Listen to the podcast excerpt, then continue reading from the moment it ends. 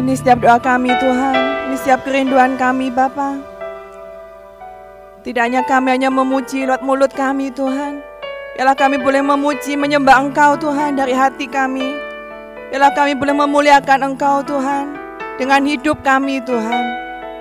Terima kasih Tuhan, nyatakan firman-Mu atas setiap hidup kami Bapa. Kami percaya Tuhan, Kau ada di tempat ini, Engkau mengurapi setiap kami Tuhan. Engkau mengurapi hambamu dan akan menyampaikan firmanmu Tuhan. Biarkan bukan dari lidah mulut hambamu sendiri Bapa, tapi biarkan engkau berbicara Tuhan secara pribadi pada setiap kami Bapa. Terima kasih Tuhan, urapi setiap kami, urapi setiap pendengaran kami Tuhan, setiap hati kami, setiap pikiran kami. Biarkan kami boleh menerima setiap benih firman-Mu dan kami boleh melakukan firman-Mu ya Bapa. Terima kasih Tuhan dan segala kuasa kegelapan yang ingin mencuri firman-Mu Tuhan. Kami berdoa kami hancurkan di dalam nama Yesus Kristus. Terima kasih Bapa, Engkau yang ada di tempat ini, rohmu yang berkarya di tempat ini. Terima kasih Bapa. Mari kita yang siap mendengarkan firman Tuhan, kita katakan amin. Selamat pagi saudara. Tuhan sangat mengasihi kita, amin. Tuhan akan pakai kita dan Tuhan juga akan dan sedang memurnikan gereja Tuhan. Ya, pada hari-hari ini Tuhan sedang memurnikan gerejanya yaitu siapa saudara? Gerejanya yaitu saya dan Anda semuanya, saudara-saudara semuanya. Tuhan sedang mencari orang-orang jemaat-jemaat Tuhan yang mau dipakai oleh Tuhan, yang mau dibentuk oleh Tuhan, yang memiliki ibadah yang sesungguhnya, saudara. Ibadah kita menjadi orang Kristen tidak hanya sekedar kita datang ke gereja, memenuhi bangku gereja, tidak hanya sekedar kita menyanyi memuji Tuhan, seperti lagu yang terakhir dikatakan, tidak hanya mulut kita yang menyanyi, tidak hanya mulut kita yang memuji Tuhan, tetapi dari hati kita, saudara. Ketika kita datang ke gereja, apakah tujuan kita datang ke gereja? Apakah tujuan kita hanya untuk sekedar setor muka? Ya, setor muka absen. Klik ini namanya, saya datang gitu ya. Apakah kita hanya cukup untuk memenuhi bangku-bangku gereja, saudara? Atau hanya karena kita kumpul-kumpul aja di tempat ini? Tetapi ada sesuatu yang lebih yang harus kita cari ketika kita datang ke gereja. Banyak anak-anak Tuhan memiliki motivasi yang salah dalam mereka beribadah kepada Tuhan. Saudara, Tuhan sedang memurnikan gerejanya. Tuhan sedang memurnikan kita dan Tuhan rindu kita semua dimurnikan. Tuhan merindukan adanya ibadah kita yang sejati. Ya, ibadah yang sejati, kesalehan yang sejati. Di dalam kitab Yesaya 58 kita akan buka sama-sama Saudara. Yesaya 58 perikopnya dikatakan kesalehan yang palsu dan yang sejati. Ternyata orang-orang Kristen bisa saja mengalami yang namanya kesalehan yang palsu.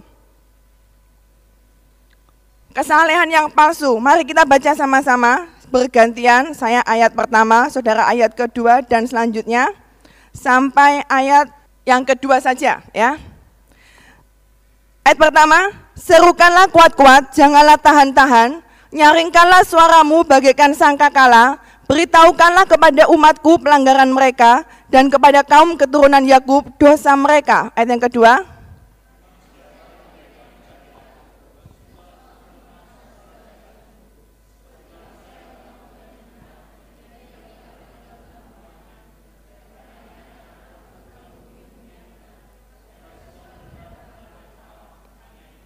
Ya, ayat yang kedua. Ayat yang ketiga saya bacakan. Mengapa kami berpuasa dan engkau tidak memperhatikannya juga?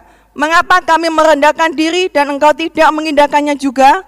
Sesungguhnya pada hari puasamu engkau masih tetap mengurus urusanmu sendiri dan kamu berdesak-desak semua buruhmu. Sampai situ aja dulu saudara. Saudara firman Tuhan dalam kitab Yesaya 58 dikatakan, Serukanlah kuat-kuat, jangan tahan-tahan, nyaringkanlah suaramu, beritahukanlah kepada umatku pelanggaran mereka. Apa pelanggaran mereka saudara? Setiap hari dikatakan ayat yang kedua, mereka mencari aku, mereka mencari Tuhan, mereka mengenal Tuhan, mereka berusaha mencari Tuhan yang benar seperti apa. Mereka berusaha beribadah kepada Tuhan dan mencari Tuhan. Mereka memiliki kerinduan yang sangat terhadap Tuhan. Tetapi kenapa saudara? Di sini dikatakan bahwa mereka ternyata memiliki kesalehan yang palsu saudara.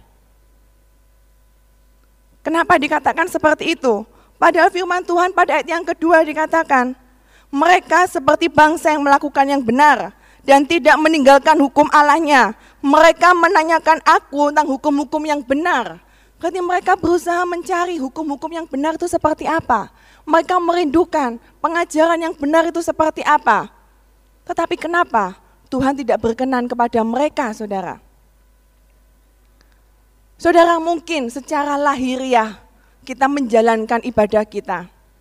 Secara lahiriah kita mungkin aktif datang ke gereja, kita mungkin aktif datang doa malam, aktif datang ke rekom saudara. Mungkin kita seorang pelayan Tuhan. Mungkin, bahkan mungkin kita adalah gembala-gembala rekom, gembala-gembala KTP saudara. Tetapi Tuhan mau menegur kita, jangan sampai kita memiliki kesalehan yang palsu saudara seolah-olah kita adalah orang yang rohani. Seolah-olah kita adalah orang yang baik. Seolah-olah kalau kita ke gereja, kita seperti uh, tampangnya malaikat semuanya. Ya, coba lihat kanan kirinya seperti malaikat semuanya, saudara. Ya, ya itulah malaikat di kanan kiri kita. Kita seperti orang yang baik. Nah, saudara, bahkan sepertinya kita berusaha cari Tuhan dengan sungguh-sungguh. Tapi firman Tuhan mau katakan, kenapa Tuhan tidak berkenan kepada orang-orang yang memiliki kesalahan yang palsu. Mereka seolah-olah adalah orang yang rohani, tetapi sebenarnya mereka tidak berkenan. Ini yang Tuhan akan murnikan di dalam gerejanya, saudara. Banyak gereja-gereja Tuhan, bahkan mungkin kita sendiri, kita melakukan hal yang sama. Bahkan mungkin saya sendiri melakukan hal yang sama saya masih memiliki kesalahan yang palsu. Mungkin saya nggak sungguh-sungguh kepada Tuhan. Sepertinya kita mungkin tampangnya rohani. Tapi kita nggak punya hubungan yang dekat sama Tuhan. Saudara, mereka berpuasa, tetapi kenapa Tuhan tidak memperhatikan mereka? Mereka beribadah, mereka berdoa. Kenapa seolah Tuhan tidak mendengarkan doa mereka? Kita lihat saudara, ayat yang selanjutnya. Ayat yang keempat, Sesungguhnya kamu berpuasa sambil berbantah dan berkelahi, serta memukul dengan tinju dengan semena-mena. Dengan caramu berpuasa seperti sekarang ini, suaramu tidak akan didengar di tempat tinggi. Kita mungkin mencari Tuhan, kita mungkin beribadah kepada Tuhan, tetapi Tuhan merindukan, Tuhan merindukan kita tidak hanya sekedar beribadah, kita nggak hanya sekedar berdoa, kita nggak hanya sekedar ke gereja melayani Tuhan, tapi ada satu hal yang Tuhan rindukan di dalam hidup kita, saudara. Yaitu apa? Hidup yang diubahkan. Apa, saudara? Hidup yang diubahkan. Mungkin kita sudah sering dengar firman Tuhan, bagaimana kita harus berubah. Kita menjadi serupa dengan Kristus, saudara. Ternyata Tuhan tidak hanya mementingkan yang namanya karisma atau karunia. Saya percaya gereja ini adalah gereja pusat kasih karunia, karena itu namanya Grace Mercy Center. Dan setiap orang-orang yang ada di dalamnya beroleh kasih karunia. Amin, saudara. Ini janji Tuhan. Siapa orang-orang yang ada di tempat ini akan mendapat tudung, yaitu kasih karunia. Dan keluarga kita juga janji Tuhan akan boleh kasih karunia. Ini janji Tuhan yang sungguh luar biasa. Dan saya sungguh-sungguh merasakan kasih karunia Tuhan itu begitu besar dalam hidup saya, hidup kita semuanya. Tetapi saudara, jangan sampai kita meremehkan kasih karunia Tuhan. Jangan sampai kita menyia-nyiakan kasih karunia Tuhan. Jangan sampai karena kita merasa Tuhan begitu sayang sama saya, Tuhan begitu mengasihi saya, kemudian kita berpikir bahwa aku bisa, apa pun yang aku lakukan, tidak akan mempengaruhi kasih karunia Tuhan. apa pun yang kita lakukan, Tuhan tetap mengasihi kita. Tetapi satu hal, Tuhan memiliki janji-janji yang bersyarat dalam hidup kita. Kasih Tuhan tidak bersyarat, tetapi kas, uh, maaf, kasih Tuhan tidak bersyarat, tetapi janji Tuhan bersyarat, saudara, dalam hidup kita. Mungkin kalau kita menanyakan Tuhan itu mengasihi kita atau tidak, itu hal yang aneh, saudara. Karena Tuhan tidak pernah berhenti mengasihi kita dan kasih Tuhan tidak bersyarat. Walaupun kita berdosa, kita jatuh sedalam apa pun, Tuhan tetap mengasihi kita. Tetapi janji Tuhan dalam hidup kita itu bersyarat. Kenapa ada janji-janji Tuhan yang kadang tertunda dalam hidup kita? Itu karena Tuhan memiliki syarat atas tergenapinya sebuah janji itu, saudara. Mungkin kita memiliki janji, wah Tuhan akan memberkati keluargaku. Tuhan akan memenuhi semua kebutuhanku. Atau apa pun janji-janji yang Tuhan berikan dalam hidup kita secara pribadi. Mungkin kita merasakan kenapa itu belum terjadi dalam hidup kita. Itu karena janji Tuhan bersyarat. Sudahkah kita memenuhi kriteria untuk terpenuhinya janji tersebut, saudara? Nah, saudara, janji Tuhan bersyarat, ya. Tuhan merindukan kita memiliki karakter yang diubahkan, saudara. Tidak hanya sekedar kita datang ke gereja, tapi kasih karunia Tuhan itu akan bekerja seiring dengan kita juga berubah. Saudara sadar atau tidak bahwa banyak orang yang karena karakter kita belum diubahkan, karena kita belum menjadi orang Kristen yang dewasa, itu akhirnya ada banyak janji Tuhan yang tertunda. Ada banyak hasil-hasil yang tertunda, ada banyak janji Tuhan, ada banyak rencana Tuhan bahkan yang tertunda dalam hidup kita karena kita belum diubahkan. Karena kita masih menjadi orang Kristen yang memiliki sifat yang anak-anak. Saudara, saya percaya dalam diri kita, kita mempunyai suatu sisi sisi titik-titik di mana kita belum dipulihkan. Mungkin kita sudah jadi orang Kristen, kita sudah berubah, kita sudah diubahkan sungguh luar biasa oleh Tuhan. Tapi ada satu sisi mungkin dalam hidup kita, itu yang masih tersembunyi, yang mungkin masih kita simpan, sehingga itu masih menjadi duri dalam daging buat diri kita, atau menjadi sesuatu hal yang dapat digunakan celah iblis untuk merusak hidup kita dan membawa kita kembali kepada masa lalu kita, saudara. Mungkin itu masa lalu, trauma-trauma kita di masa lalu. Mungkin itu luka-luka penolakan masa lalu kita. Itu mungkin kepahitan-kepahitan kita. Atau mungkin karakter-karakter dasar kita yang belum diubahkan. Saudara, Tuhan rindukan gereja kita menjadi gereja yang memiliki Kristen yang dewasa. Karakter Kristen yang dewasa. Jangan memiliki karakter Kristen yang anak-anak, saudara. Ya, kalau saya bicara seperti ini, saya juga belajar karena saya juga belum memiliki karakter yang sempurna. Ya, saya belum sempurna, saya masih banyak kelemahan dan saya rindu, saya mengajak kita semuanya sama-sama mau belajar untuk memiliki Kristen yang dewasa. Bagaimanakah Kristen yang dewasa itu, saudara? Kristen yang dewasa tidak hanya kita lahiriah, kita ibadah dan kelihatannya seperti orang yang rohani. Yang dewasa bukan karena gembala rekom, dia pintar menyampaikan khotbah, pintar menasehati. Enggak, saudara. Tetapi adalah kehidupan yang diubahkan. Dan kehidupan yang diubahkan itu mungkin bisa kelihatannya kita memakai topeng-topeng rohani, saudara. Kita bisa aja memakai topeng-topeng rohani. Seperti dalam ke, eh, kehidupan kita kalau kita menjalin sebuah hubungan dengan seseorang. Biasanya saudara kalau kita punya teman yang spesial, apa yang ingin kita tunjukkan kepada teman spesial kita saudara? Yang tampil yang baik-baiknya saja ya. Kalau yang tadinya kumus-kumus gitu ya, wah sekarang jadi cantik gitu ya. Nah, pokoknya tampil supaya kelihatannya baik. Supaya kelihatannya baik pokoknya. Tapi saudara, eh, nggak di apa? Tunjukkan aslinya gimana. Tapi kalau sudah menikah, wah, baru ketahuan semua aslinya gitu ya. Nah, jangan sampai seperti itu Saudara. Ya, saya rindu di tempat ini kalau kak kita yang masih muda yang sedang menjalin hubungan, tunjukkan aslimu, ya. Tidak usah, tidak usah pura-pura jadi orang yang baik ya. Tapi kalau emang sungguh-sungguhnya dia baik nggak apa-apa ya. Jangan dijelek-jelekan saudara ya.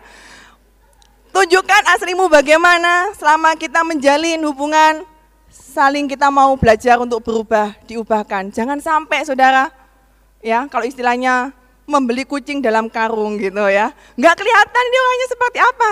Tiba-tiba setelah menikah, oh ternyata dia itu ngambekan gitu ya. Kalau waktu pacaran nggak kelihatan ngambeknya. Oh ternyata dia pelit ternyata suaminya ini gitu ya. Oh waktu menjalin hubungan, wah traktir, beliin semuanya. Ternyata setelah menikah, pelit banget gak dikasih uang belanja gitu ya. Waduh menderita. Nah, tunjukkan aslinya ya. Tunjukkan aslinya. Tunjukkan belangnya waktu menjalin hubungan daripada kita setelah menikah ketahuan semuanya ya. Nah saudara, dalam hubungan kita dengan Tuhan, dalam kehidupan perjalanan kekristenan kita, Tuhan tidak kepingin ada kesalehan-kesalehan yang palsu di gereja Tuhan. Tuhan merindukan ada kesalehan yang sejati, Kekristenan yang sejati, kekristenan yang sungguh-sungguh mau mencari Tuhan dengan segenap hati. Mencari Tuhan yang benar. Tidak sekedar kita pura-pura, kita asal kita berdoa saudara. Tapi Tuhan rindu kita mengalami perjumpaan pribadi dengan Tuhan. Berapa banyak di antara kita mungkin hari-hari ini kita mengalami kekosongan di dalam Tuhan. Kita mengalami rasa-rasa di mana hati kita merasa kosong. Ketika kita mencari Tuhan, mungkin secara lahiriah kita kepengen cari Tuhan. Tuhan sangat senang kalau kita rindu mencari Tuhan. Tapi kadang-kadang kita nggak nggak menemukan Tuhan. Kita nggak bisa merasakan kehadiran Tuhan dalam hidup kita. Saudara, ada sesuatu yang perlu kita bereskan. Ada sesuatu yang perlu kita pulihkan di dalam hidup kita. Jangan menjadi Kristen yang anak-anak. Jadilah orang Kristen yang dewasa, saudara. Ya. Nah, saudara, selanjutnya, ayat yang selanjutnya, ayat yang kelima dikatakan, Sungguh-sungguh inikah berpuasa yang ku kendaki dan mengadakan hari merendahkan diri, jika engkau menundukkan kepala seperti gelagah dan membentangkan kain karung dan abu sebagai lapik tidur, sungguh-sungguh itukah yang kau sebut berpuasa, mengadakan hari yang berkenan kepada Tuhan? Ayat yang keenam dikatakan, bukan, berpuasa yang kehendaki ialah supaya engkau membuka belenggu-belenggu kelaliman dan melepaskan tali-tali kuk, supaya engkau memerdekakan orang yang teraniaya dan mematahkan setiap kuk, supaya engkau memecah-mecah rotimu bagi orang yang lapar, dan membawa ke rumahmu orang yang miskin yang tak punya rumah. Dan apabila engkau melihat orang telanjang, supaya engkau memberi dia pakaian dan tidak menyembunyikan diri terhadap saudaramu sendiri. Nah, saudara, beribadah seperti apa yang Tuhan rindukan? Ketika kita mengalami perjumpaan pribadi dengan Tuhan, tidak hanya sekedar lahiriah kita menjalankan ibadah kita, tidak hanya kesalehan yang palsu, kita berpuasa, tapi kita masih sibuk dengan urusan kita sendiri. Kita berdoa, secara tubuh kita berdoa, tapi pikiran kita masih melayang-layang. Ya, mikirin bakso, mikirin mungkin di tempat ini kita mendengarkan firman, duduk di sini tubuh kita. Tapi pikiran kita mungkin melayang-layang. Setelah ini di bawah saya mau beli apa ya? Nasi campur, atau mau beli pangsit, Ya, saudara, kita harus belajar mengendalikan pikiran kita.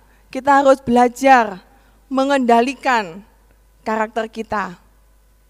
Ya, nah, setelah kita mengalami perjumpaan pribadi dengan Tuhan, saya percaya hidup kita akan diubahkan dan hidup kita akan berdampak kepada orang lain.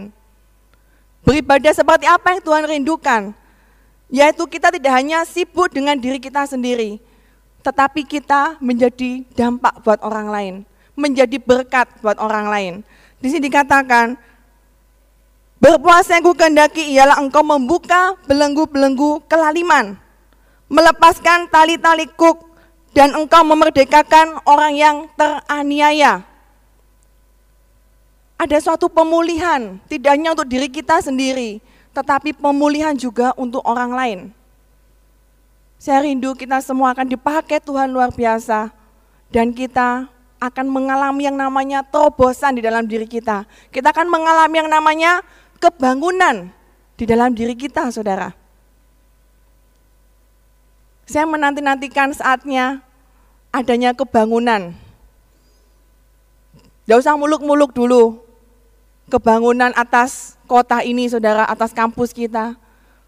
Tapi yang Tuhan rindukan terlebih dahulu adalah kebangunan atas diri kita sendiri. Dan apa yang menghalangi kebangunan itu terjadi sering kali adalah diri kita sendiri saudara. Sebelum kita bisa mengalahkan diri kita sendiri, sebelum kita mengalami terobosan di dalam diri kita sendiri, kita nggak bisa membawa dampak kebangunan itu akan terjadi atas kota kita, atas kampus kita, atas tempat kerja kita. Karakter yang diubahkan tidak hanya sekedar kita pengen cari Tuhan. Di hati kita memang sungguh luar biasa. Tuhan nggak meragukan hati kita. Seperti ibaratnya, seperti ibaratnya saudara, Ya ini supaya gampang saudara ya. Orang yang menjalin hubungan, nah ini lebih gampang ya. Demikian juga kita dengan Tuhan saudara. Mungkin Tuhan nggak ragu lagi sama kita. Kamu tuh udah aku percaya hatimu tuh mengasihi aku. Tetapi mungkin saudara, kalau karakter kita tidak berubah. Kita dengan Tuhan, Tuhan nggak ragu dengan hati kita. Tapi kalau karakter kita masih mencekno, karakter kita belum diubahkan, karakter kita masih anak-anak, kita masih suka ngabekan, ya, ngabekan sama Tuhan, ngabekan sama teman, kita masih suka mutung. Kalau Tuhan nggak berkati aku, aku nggak mau Tuhan-Tuhanan.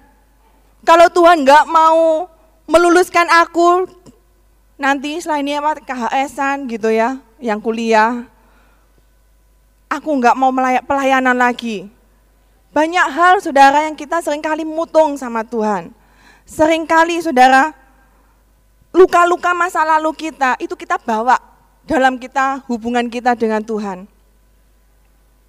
Atau bahkan mungkin kita masih ada kesombongan-kesombongan rohani yang masih kita bawa dalam melayani Tuhan. Kesombongan-kesombongan masa lalu kita yang masih kita bawa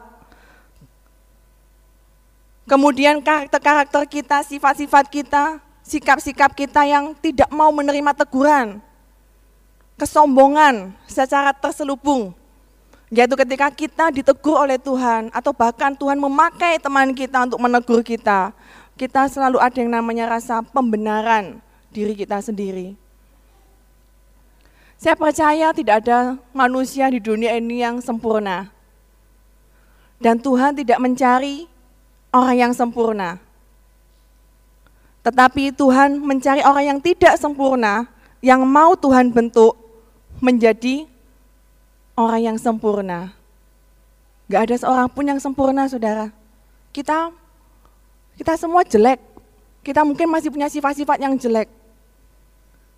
Tapi bukan berarti Tuhan gak bisa pakai kita. Tuhan bisa pakai kita, tapi kalau kita nggak mau diubahkan, itu akan menghalangi Tuhan untuk pakai kita lebih lagi. Dan itu akan menghalangi Tuhan menggenapi janjinya dalam hidup kita. Dan akan menghalangi Tuhan untuk memakai kita di dalam kebangunan rohani, saudara. Saudara mau dipakai Tuhan untuk kebangunan rohani? Amin. Kita doa sama-sama bulan-bulan ini, hari-hari ini. Tuhan, aku ingin mengalami kebangunan rohani dalam hidupku. Langkah pertama, ibadah kita yang sejati adalah kita cari Tuhan dengan sungguh-sungguh. Yang pertama, memberikan diri kita kepada Tuhan dengan seutuhnya. hidup memberi diri kepada Tuhan. Saya percaya itu bukan suatu hal yang mudah, saudara. Hidup memberi diri kepada Tuhan. Tuhan, aku menyerahkan hidupku total untuk Engkau. Apa pun yang Engkau mau dalam hidupku, aku mau berikan untukmu. Kita semua adalah hamba-hamba Kristus. Kita adalah semua hamba-hamba Allah. Tidak harus menjadi seorang penginjil atau menjadi seorang pendeta, kita menjadi hamba Tuhan. Tapi kita semua adalah hamba-hamba Tuhan. Hidup memberi diri, saudara. Saya percaya itu bukan suatu hal yang mudah. Maukah kita berkata kepada Tuhan, Tuhan, aku serahkan hidupku kepadamu. Apa pun yang kau minta, aku akan berikan padamu. Berani saudara? Saya rindu dalam hati kita, kita ngomong sama Tuhan, Tuhan, aku mau berikan hidupku total kepadamu. Apa pun yang kau minta dalam hidupku, aku berikan. Amin. Amin siap memberikan sesuatu yang terbaik buat Tuhan. Itu ibadah kita yang sejati, saudara. Hidup memberi diri. Bukan hanya kita sekedar beribadah ke gereja. Bukan sekedar kita berdoa, berpuasa. Tapi memberikan diri kita sebagai persembahan di hadapan Tuhan. Itu adalah ibadah kita yang sejati. Berikan diri kita. Itu enggak mudah. Saya percaya itu enggak mudah. Dan itu butuh yang namanya peremukan Mungkin kita akan diremukkan oleh Tuhan. Mungkin untuk mempertahankan hidup dengan Tuhan, kita harus belajar untuk merelakan keluarga kita. Ya, hidup dalam panggilan Tuhan, mungkin kita harus menambahkan hati kita. Menambahkan hati kita tuh seperti ini. Dulu ya, kalau saya nggak bosan-bosan cerita, untuk saya, Evi ya, untuk benar-benar kita ikut Tuhan, kita nggak ikut kerja kantor gitu ya. Saya nggak menyangka kerja kantor ya, karena ini panggilan saya. Untuk saya benar-benar saya berjalan dalam visi Tuhan, itu juga butuh yang namanya keteguhan, saudara. Hidup di dalam gereja dengan visi yang besar ini sepertinya kok kok nggak enak, ya anakku ini mau jadi apa gitu ya. Walaupun saya percaya mereka menyerahkan, tapi ada sisi-sisi sebagai orang tua, duh anakku ini gimana sih? Kok belum menikah gitu biasanya ya? Kok belum menikah? Kok nggak normal? Bukan nggak normal seperti apa saudara? Ya saya percaya kita ikut Tuhan. Bahkan mungkin kalau ada yang kita mungkin full time atau kita mungkin ya ikut Tuhan, waduh gajinya kok pas-pasan, saya percaya full time gajinya nggak pas-pasan ya, Tuhan akan berkati. Mungkin kalau kita ikut Tuhan masa-masa kita merintis, oh Tuhan aku mau berikan waktuku untuk engkau. Kita mungkin masa-masa yang susah dalam hidup kita. Kita mungkin harus mempertahankan pendapat kita, panggilan kita terhadap orang tua kita. Itu satu hal yang susah, saudara. Ya, ikut Tuhan. Ada harga yang harus kita bayar. Ikut Tuhan, ikut dalam panggilan Tuhan, mempertahankan panggilan kita. Ada harga yang harus kita bayar dan kita harus berani menyatakan, aku mau ikut Tuhan. Karena panggilan Tuhan di dalam hidup kita ini sungguh luar biasa. Janji Tuhan atas gereja kita ini sungguh-sungguh luar biasa, saudara. Kita tidak akan menjadi orang Kristen yang biasa-biasa aja. Kita nggak jadi orang Kristen yang biasa-biasa. Percayalah, kalau engkau benar-benar mau sungguh-sungguh, engkau cari wajah Tuhan, engkau mengalami kebangunan dalam diri kita, kita nggak jadi orang yang biasa-biasa. Engkau akan jadi pahlawan-pahlawan Tuhan yang gagah perkasa. Ketika saya baca kitab Hakim-Hakim Gideon, Gideon dikatakan, Gideon akan dipakai Tuhan untuk membebaskan bangsa Israel dari Midian, saudara, dari jajahan Midian tujuh tahun. Gideon adalah orang yang paling muda, dia adalah orang yang paling muda di antara keluarganya dan suku yang paling kecil di antara kaumnya, suku Manasya. Tetapi Tuhan pakai Gideon untuk membebaskan bangsa Israel. Mungkin dia berkata, Tuhan aku tidak bisa apa-apa. Tapi saudara tahu dalam kitab Hakim-Hakim kalau saudara baca, waktu malaikat Tuhan datang kepada Gideon, apa kata-kata pertama yang malaikat itu katakan kepada Gideon? Tuhan menyertai engkau, hai pahlawan yang gagah perkasa, pahlawan yang gagah berani. Padahal pada waktu itu, Gideon belum melakukan apa-apa. Gideon belum melakukan suatu perkara-perkara yang besar buat Tuhan, dia bukan seorang pahlawan, tetapi langkah awal Tuhan mau katakan kepada kita, walaupun itu mungkin belum terjadi dalam hidup kita, Tuhan mau katakan, Tuhan menyertai engkau. Hai Maria yang gagah perkasa, ya, yang gagah berani. Karena Tuhan tahu.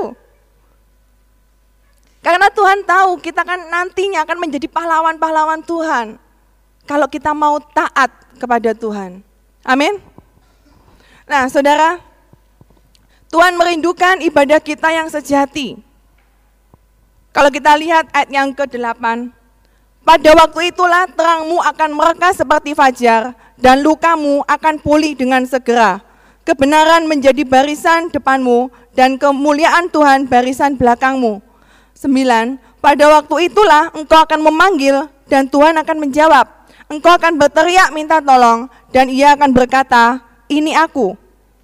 Apabila engkau tidak lagi mengenakan kuk kepada sesamamu dan tidak lagi menunjuk-nunjuk orang dengan jari dan memfitnah.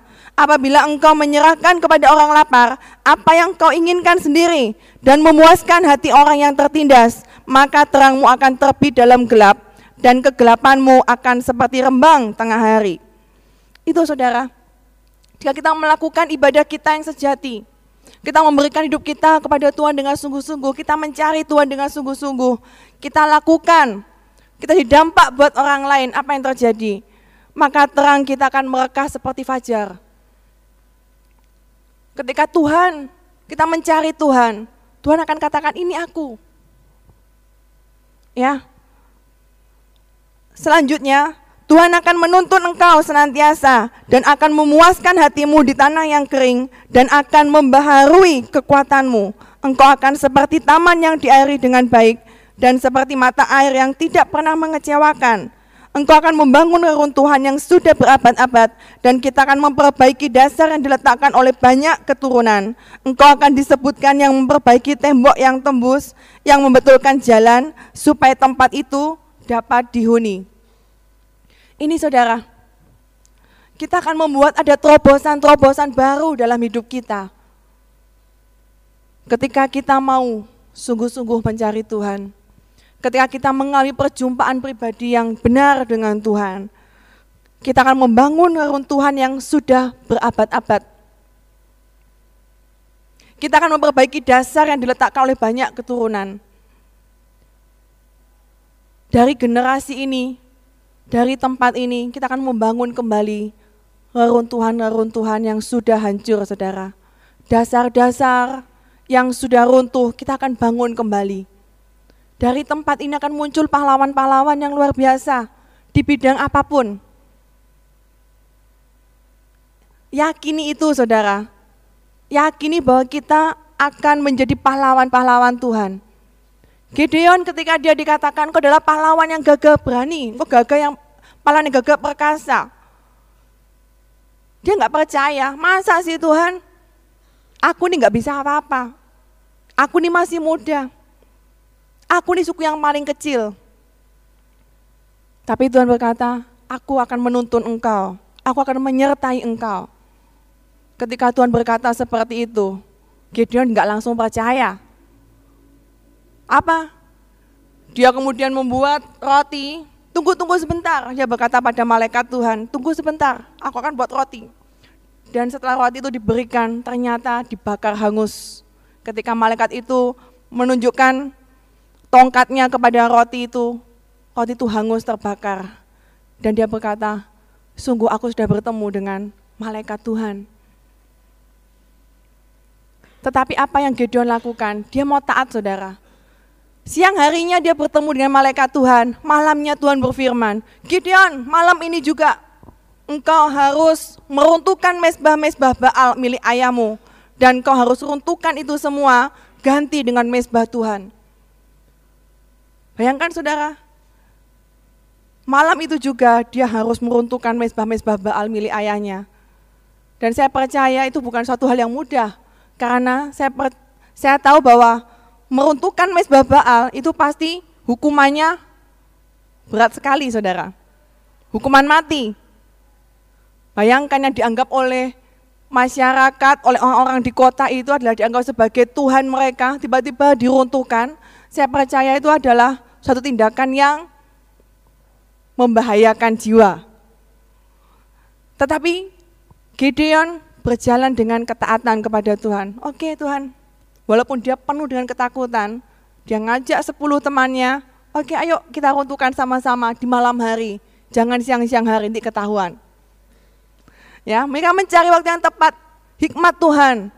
Walaupun dia takut, tapi dia tetap mau berjalan. Dia mau melakukan firman Tuhan. Dia mau melakukan kehendak Tuhan. Saudara, mungkin dalam hidup kita, mungkin kita ada ketakutan. Kita mungkin ada yang namanya kekhawatiran dalam ikut Tuhan. Tetapi Tuhan merindukan yang namanya ketaatan. Ketaatan hidup dalam panggilan, ketaatan hidup di dalam kehendak Tuhan. Dan Tuhan akan melakukan perkara yang besar dalam hidup kita. Kita akan dipakai untuk membangun kembali reruntuhan. Kita akan dipakai menjadi pahlawan yang akan bergerak di segala bidang. Di bidang bisnis Tuhan akan pakai kita untuk memberkati pekerjaan-pekerjaan misi di mana pun Tuhan mau tempatkan kita, saudara. Di bidang pendidikan, kesehatan, di bidang misi, dan segala banyak hal yang Tuhan mau taruh itu dalam hidup kita. Beberapa waktu yang lalu, saudara, saya mendengarkan siaran radio dan saya hati saya digerak eh, apa ya tersentuh gitu ya dengan kesaksian ketika saya mendengarkan ada namanya pengutusan-pengutusan misi. Pengutusan misi di mana ada seorang dia lulusan sekolah Alkitab dan dia mau memberikan hidupnya untuk Tuhan, total untuk Tuhan. Dia mau ditempatkan di sebuah kota, bukan kota, kota tetapi di desanya yang terpencil. Di sebuah kota di Cilacap atau di mana ya. Nah itu dia merelakan dirinya untuk dia mau dipakai Tuhan di sana. Dia merintis sebuah jemaat. Dia datang di situ sendirian, saudara. Dia nggak bawa teman, dia sendirian di sana. Dia membaur dengan masyarakat, dia penginjilan di sana. Dan ketika dia penginjilan, mulai ada jiwa-jiwa yang bertobat. Sungguh-sungguh bertobat. Bertobat satu keluarga, dia mengajak, mengadakan persekutuan di sana. Kemudian ada lagi yang bertobat. Kemudian karena banyaknya orang yang bertobat di sana, semakin banyak yang bertobat, akhirnya ditentang oleh masyarakat di sana dan sampai dia mau diancam, dia mau dibunuh. Dan dia sempat sempat cala, uh, dicelakai seperti itu dan akhirnya ditolong oleh masyarakat. Tetapi dari sana Saudara, dari kesaksian-kesaksian itu sungguh luar biasa Tuhan menyertai. Ketika dia ada seorang bapak bapak lurah atau bapak kepala desa yang waktu itu menentang dia banget. Ketika sakit, dia datang, dia mendoakan.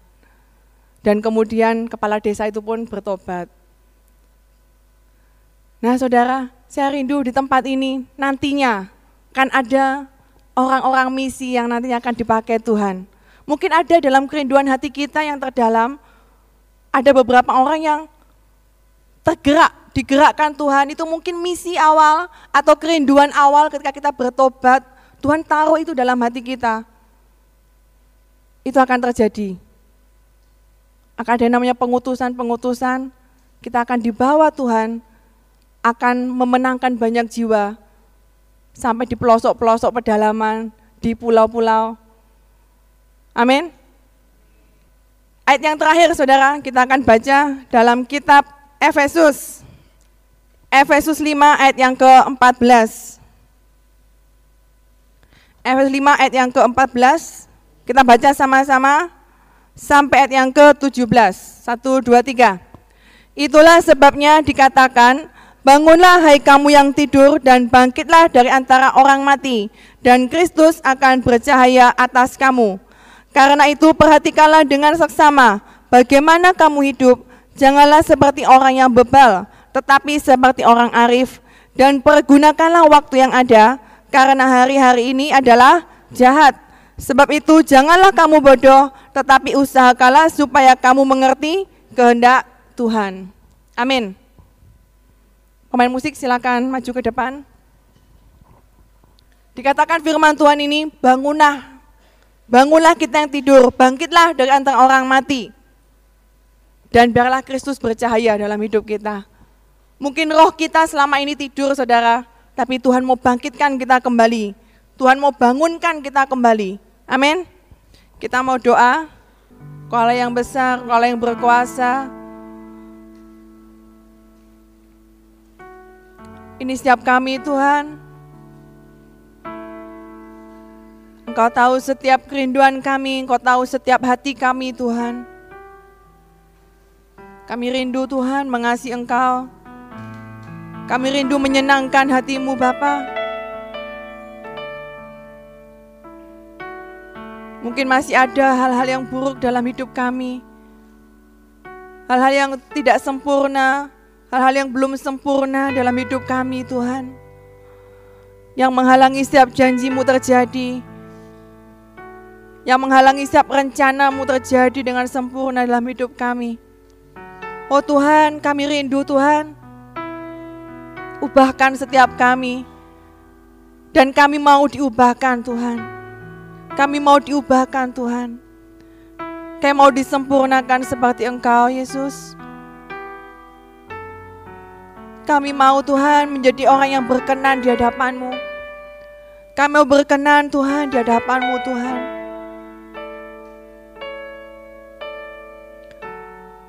Saudara di dalam firman Tuhan, Tuhan pernah beberapa kali memuji orang-orang yang ada di dalam tokoh-tokoh Alkitab. Tuhan menguji iman mereka, Tuhan memuji kesetiaan mereka, Tuhan memuji keberanian mereka. Pada hari ini saudara, kita renungkan apa yang ada dalam diri kita yang Tuhan bisa puji dalam hidup kita. Apakah Tuhan akan memuji kesetiaan kita? Apakah Tuhan akan memuji keberanian kita? Apakah Tuhan akan memuji ketaatan kita?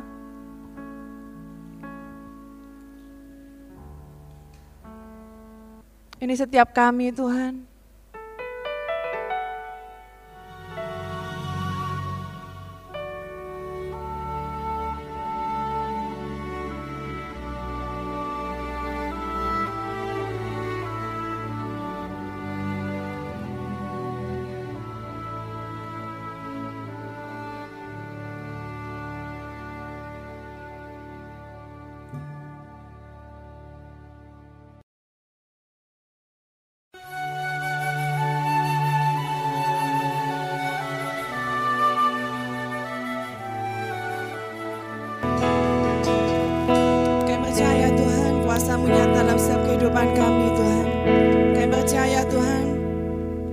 Bekerja dalam setiap apa pun Tuhan dalam kehidupan kami. Kau punya rencana yang sungguh indah dalam hidup kami Tuhan. Ajari kami tetap taat, kami setia Tuhan atas setiap kehendakmu dalam hidup kami Bapa. Terima kasih ya Roh Kudus, Engkau yang bekerja di tempat ini. Kau urapi setiap kami Tuhan. Engkau pimpin Tuhan, Engkau persiapkan setiap roh jiwa dan tubuh kami untuk mendengarkan firman-Mu Tuhan. Biarkan firman berbuah-buah dalam kehidupan kami Tuhan. Dan segala kuasa kegelapan yang mencuri firman-Mu kami hancurkan di dalam nama Yesus Kristus. Engkau yang ada di tempat ini Tuhan. Terima kasih Bapa. Kami siap mendengarkan firman-Mu. Di dalam nama Yesus Kristus kami berdoa. Haleluya. Amin. Ada sukacita hari ini, pagi ini saudara? Tunjukkan sukacita kita pada teman-teman kita. ya, tunjukkan senyum yang terbaik ya, senyum yang termanis ya. Um, kita sudah menginjak akhir tahun ya, menginjak akhir tahun dan saya percaya, saya rindu setiap kita bisa memahami, menghitung hari, saudara. Saya percaya bahwa hari-hari ini adalah hari-hari yang jahat Ya, hari-hari yang jahat. Kita harus belajar menghitung hari, kita harus belajar melihat apa yang terjadi di sekeliling kita, Saudara. Jangan sampai kita seperti manusia, seperti kata dalam tempurung atau seperti firman Tuhan yang dikatakan kamu tidak bisa melihat tanda-tanda zaman. Ya. Firman Tuhan katakan Tuhan berkata kepada beberapa orang, engkau bisa melihat tanda-tanda waktu akan hujan, waktu-waktu musim akan menabur, akan menuai, tapi engkau nggak bisa melihat tanda-tanda zaman. Saudara kita harus melihat tanda-tanda zaman ini, saudara. Percayalah bahwa hari Tuhan sudah dekat. Ya, walaupun tadi dikatakan oleh WL-nya Tuhan akan datang sebentar lagi. Kita nggak tahu kapan datangnya. Betul saudara. Mungkin kita ada yang ngomong, wala ini dari dulu Yesus ngomong mau datang, mau datang terus nggak datang-datang. Itu pun yang dirasakan oleh jemaat di Alkitab saudara. Ya, Percayalah, kerajaan Allah sudah dekat, bertobatlah. Sampai 2000 tahun sampai sekarang, lu kok belum datang-datang? Ya, belum datang-datang saudara. Tapi saya percaya bahwa bulan-bulan ini, tahun-tahun ini, kita harus bisa melihat tanda-tanda zaman. Amin. Sebelum iblis mengambil banyak orang, banyak jiwa untuk masuk di dalam kawan-kawannya, ya dijadikan sebagai tawanan-tawanannya, saudara. Kita harus bekerja lebih cepat, saudara. Kita harus sadar. Sadar nggak posisi kita penting, saudara? Kita adalah satu kesatuan tim untuk mencapai suatu visi Tuhan, untuk berjalan di dalam kegerakan Tuhan ini, Saudara. Ya. Saya percaya dalam perjalanan kita itu banyak sekali tantangan. Ya, banyak sekali tantangan. Mungkin kita mengalami kondisi-kondisi di padang gurun, di lembah-lembah, Saudara. Tetapi kita harus sadar sekeliling kita bahwa tujuan hidup kita tidak hanya apa yang kelihatan di depan mata kita aja Tujuan hidup kita tidak hanya cuma kita bekerja, kita cari uang yang banyak. Walaupun cari uang yang banyak itu menyenangkan, saudara. Mungkin bagi beberapa orang yang dia suka bekerja atau bahasa kerennya apa? Apa? Rajin, rajin, rajin pangkal kaya katanya ya. Nah, saudara, orang yang gila kerja, saudara, dia akan merasa wah seneng sekali kalau bekerja. Ya, tapi tujuan hidup kita bukanlah bekerja. Bagi orang yang gila kerja, santai atau diem tuh nggak enak. Atau bagi orang yang senang dengan uang, wah senang dengan uang. Uang itu menyenangkan, sudah kita punya uang banyak itu bisa beli apa aja tuh, ya betul ya. Kita kalau cewek-cewek kemarin ya yang belanja ketemu dengan Devi ya, dan ya lo udah gitu ya. Kita belanja ketemu ya. Kemarin mama pas saya datang jalan-jalan, wah enak punya uang ya nanti belanja ini, belanja itu gitu ya, nggak punya uang nanti gigi jari saudara ya. Mungkin itu menyenangkan, tetapi fokus hidup kita bukanlah cari duit, bukanlah bekerja. Atau merasakan memiliki pasangan itu menyenangkan bagi yang belum mengalami ya pernikahan mungkin. Apa pernikah lo kok ternyata gini ya gitu ya. Nanti dialami saja saudara. Ya. Nah, mungkin menyenangkan, tetapi itu bukanlah tujuan hidup kita, saudara. Lihatlah ada tujuan yang lebih penting dari semuanya itu. Tujuan hidup kita, saudara, yaitu menggenapi setiap rencana Tuhan dalam hidup kita, melakukan kehendak Tuhan, mencapai panggilan kita, saudara. Ya, itulah tujuan hidup kita, saudara. Siapkan roh kita. Dan kita sudah akan mulai ya mempersiapkan tahun-tahun depan. Fondasi-fondasi akan disiapkan di tahun-tahun ini, saudara.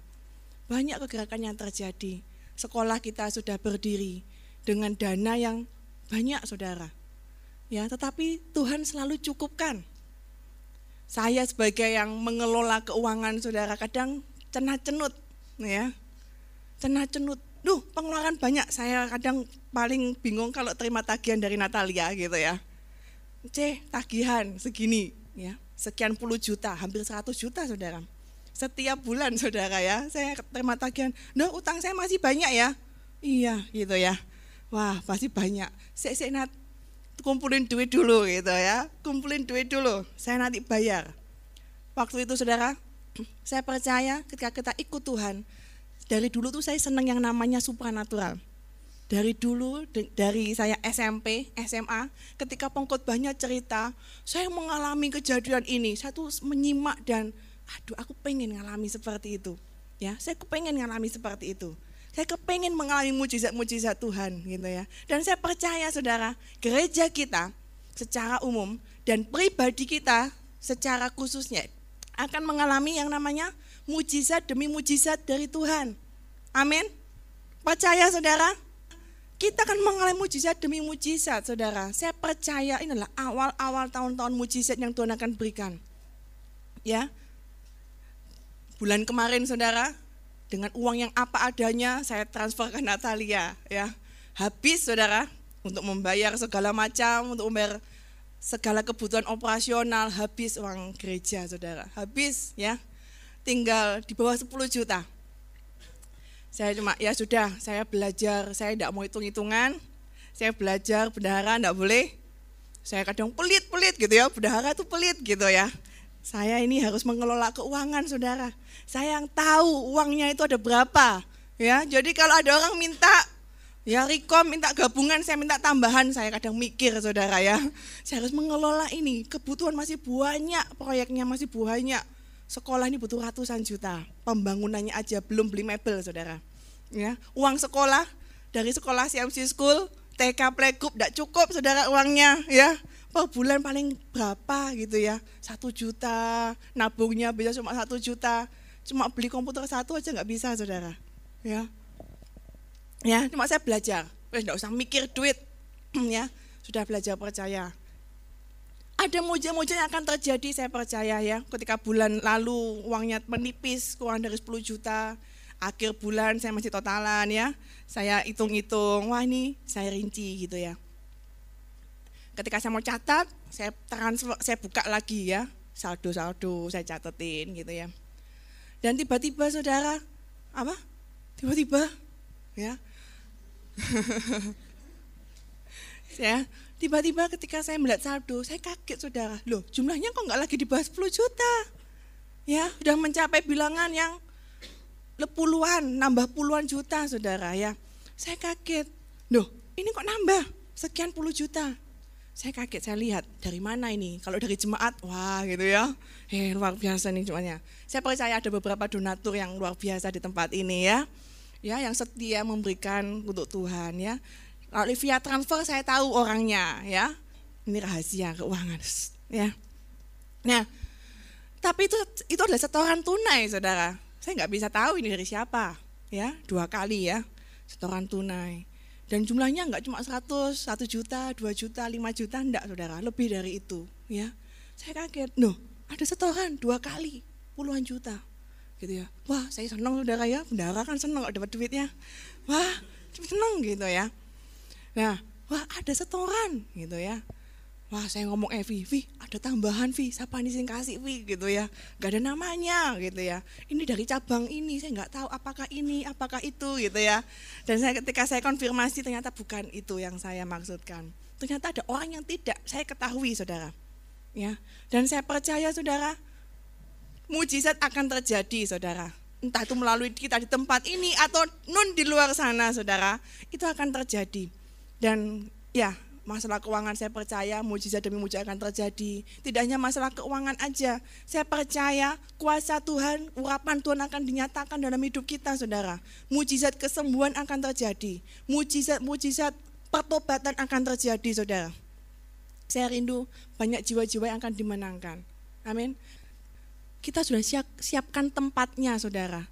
Tinggal saya mikir saya mau sama Kohadi dan Evi waktu itu habis kita deal tanda tangan saudara Ya sudah kita sudah punya tempat yang besar. Ya, udah punya tempat yang besar. Bisa muat kalau disekat 500 sampai 700, kalau di los bisa 1000 lah ya. Sekarang siapa yang mau ngisi? Ya. Tinggal kita cari ngisinya. Tinggal sekarang kita mikir gimana cara ngisinya. Karena itu, ayo kita sama-sama jangan hang. Ya. Saya ngomong, kita sama-sama enggak boleh hang. Kita enggak boleh apa? Lemas. Kalau kita lemah, Firman Tuhan katakan, tuayan itu besar, tuayan itu banyak. Engkau akan menuai jika tidak menjadi lemah, saudara. Kalau kita menjadi lemah, saya percaya kita nggak bisa menuai. Ya, kita nggak akan bisa menuai. Karena itu kita persiapkan pasukan kita baik-baik. Persiapkan roh kita. Dan semuanya ini bukan untuk kerajaan satu orang, saudara. Ya, Nah saudara, untuk menuju ke gerakan Tuhan ini saudara, itu butuh yang namanya kestabilan. Apa saudara? Kestabilan. Berapa banyak dalam hidup kita, udah kita hitung mungkin kalau kita membuat suatu grafik dalam hidup kita saudara. Kita membuat grafik gitu ya, histogram atau grafik apa itu? Garis ya. Kerohanian kita, ini adalah waktu ya di atas adalah tingkat apa? Bukan, tingkat apa? Angka yang menunjukkan kita tuh semangat atau kita lemah, ya. Kalau kita menghitung dari kita sejak kita bertobat, Saudara, kira-kira grafik kita menunjukkan seperti apa? Waktu kita on fire mungkin di ujung ya, Saudara ya. Di ujung. Nah, uh, turun ya. Kemudian turun. Kemudian waktu retret naik, Saudara ya. Waktu retret naik. Setelah itu waktu apa? Kita lama turun. Ketika kita nggak ada masalah, turun lagi. Dan mungkin kita pernah mengalami saat-saat yang mengalami titik nol mungkin dalam hidup kita. Titik yang terlemah dalam hidup kita, saudara. Ya, itu grafik kerohanian kita, saudara. Mungkin kita bisa membayangkan, aku sekarang dalam posisi seperti mana ya? Posisi di mana ya? Kalau kita mungkin buat grafik di sebelah kiri kita adalah nol, sangat lemah sekali, ya kalau kuesioner Kemudian sangat lemah, lemah, baik, sangat baik, sangat baik sekali. Ya, mungkin kondisi kita di mana, saudara? Kita menunjukkan grafik, naik turun, naik turun, naik turun, saudara. Nah, kita butuh yang namanya apa, saudara? Kestabilan. Katakan sama-sama. Kestabilan. Saya pun belajar Gak mudah yang namanya kestabilan, ya. Mungkin saat-saat kita bisa on fire, saudara. Tapi di saat-saat tertentu kita bisa menjadi sangat lemah. Sangat lemah, saudara. Saya mau ambil kisah, saudara, dari seorang nabi besar yang bernama Elia. Ya, coba kita lihat, saudara, di dalam satu Raja-Raja 19 ayat yang pertama. Kita lihat kisah Elia. Elia, kita lihat Elia adalah seorang nabi besar yang luar biasa. Yang memiliki banyak mujizat yang terjadi dalam hidupnya. Ya, dipakai Tuhan. Kalau kita lihat satu Raja-Raja 19 S1 sampai ke 8 itu kisah Elia di Gunung Horeb. Ya. Kisah Elia di Gunung Horeb. Kisah dari Elia sebelum dia di Gunung Horeb, saudara, itu ada di kisah sebelumnya. Perikop sebelumnya yaitu Elia di Gunung Karmel. Saudara sudah tahu, sudah pernah baca kan? Apa yang terjadi di Gunung Karmel? Sudah tahu? Itu banyak sekali saudara, nggak mungkin saya baca semua, nanti saya habis membacanya. Intinya saudara, saya mau ingatkan, pada waktu itu, ya, di Israel, itu ada seorang raja yang bernama siapa? Ahab dengan istrinya yang bernama Isabel yang terkenal ya, lebih terkenal Isabel daripada Ahabnya. Ya, karena Isabel ini seorang yang dominan, seorang istri, seorang cewek yang dominan. Jadi karena itu kalau cewek yang punya rasa dominan memiliki roh Isabel ya dan harus di apa? Ketongking ya, dikeluarkan rohnya supaya tidak dominan ya. Nah saudara, Ahab dia mengirimkan uh, orang ke seluruh Israel mengumpulkan nabi-nabi ke Gunung Karmel.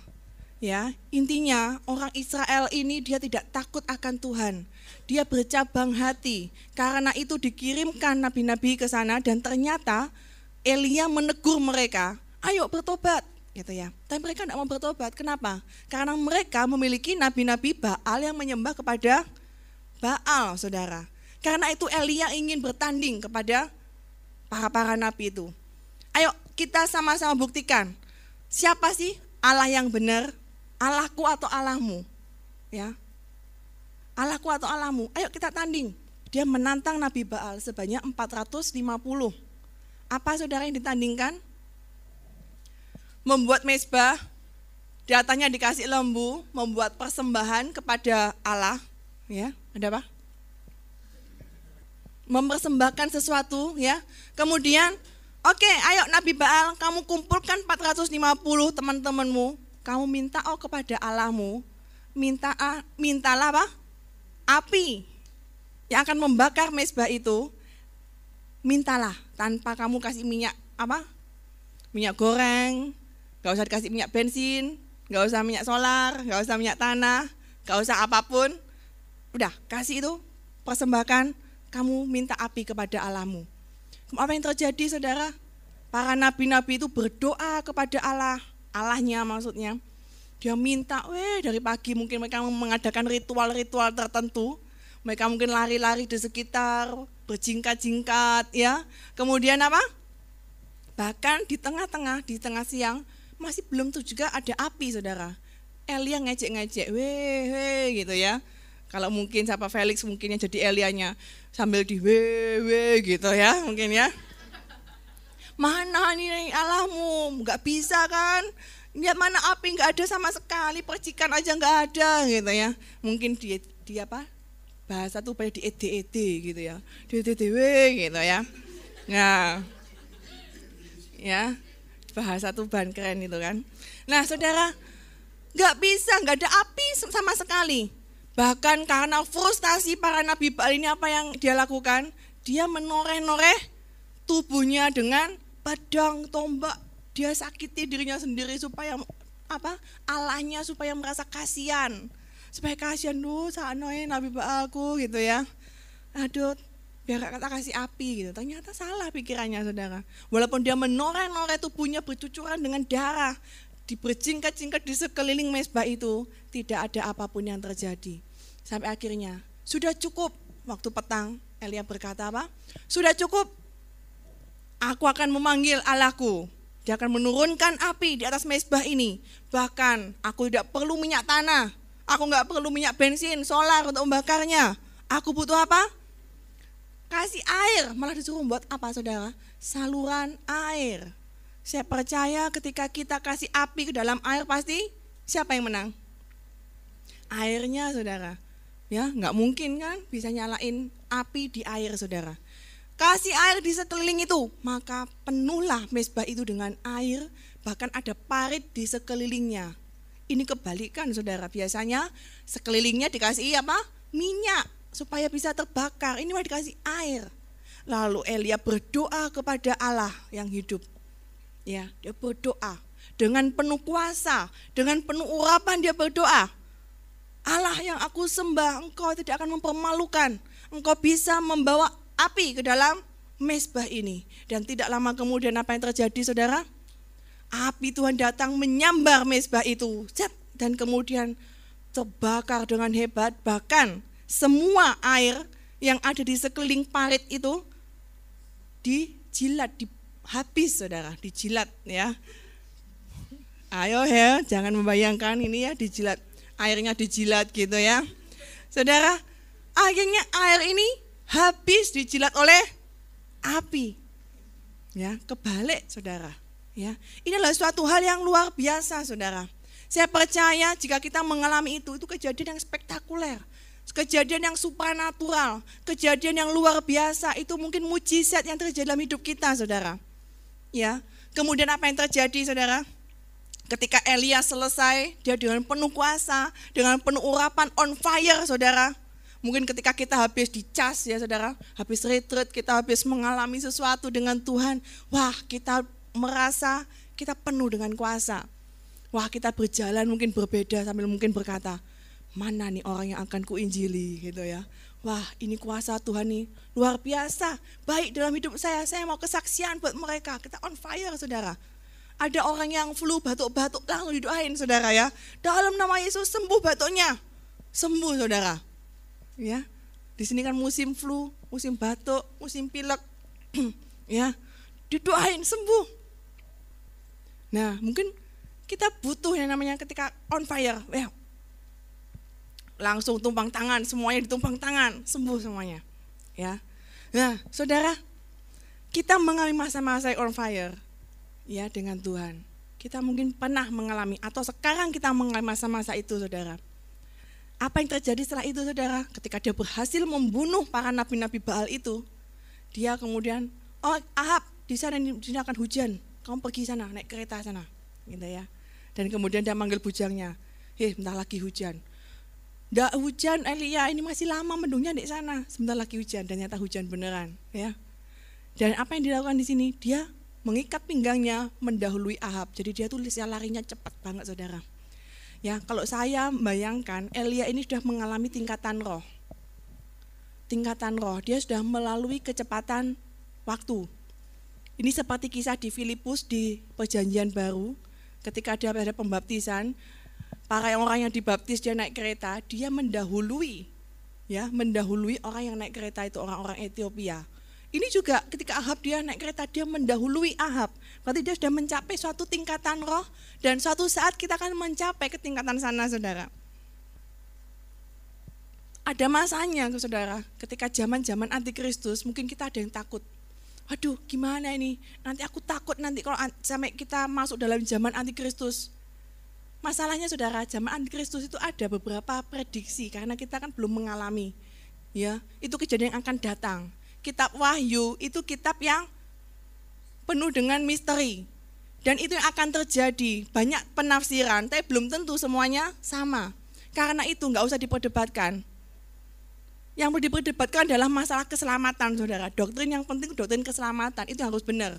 Tapi kalau doktrin kedatangan Tuhan mau kapan, ya wahyu itu akan terjadi seperti apa, kita alami saja. Antikristus ada yang ngomong sebelum pengangkatan. Ada yang ngomong sesudah pengangkatan. Nah yang mana yang benar? Dialami saja saudara. Ya, kita nggak tahu, belum kita ngalami, hamba Tuhannya juga belum ngalami kan yang nafsirkan. Kita alami saja, tapi keselamatan itu yang paling penting harus benar karena akan menentukan kita mencapai keselamatan, saudara. Ya, nggak usah dibingungin nanti doktrin-doktrin seperti itu buat kita pusing, kita pusing mikirin itu tapi nggak masuk surga, percuma, saudara. Ya, nah Entah kita akan diangkat sebelum, sesudah, atau pada waktu antikristus, saudara. Gak usah takut. Ya, karena apa? Sehelai rambut aja itu jatuh kamu waktu sisiran, jatuh saudara. Itu atas izin Tuhan. Jadi nggak akan apa pun yang akan menimpa kita tanpa seizin Tuhan. Dan kalaupun kita mau jadi martir atas izin Tuhan. Dan Tuhan akan pasti berikan kekuatan. Ya, akan berikan kekuatan kepada kita saudara. Ya, Nah, kemudian saudara apa yang terjadi? Kita lihat pasal yang ke-19. Kita baca sama-sama, kita baca bergantian sampai ayat yang ke-8. Ketika Ahab memberitahukan kepada Isabel segala yang dilakukan Elia dan perihal Elia membunuh semua nabi itu dengan pedang, maka kedua,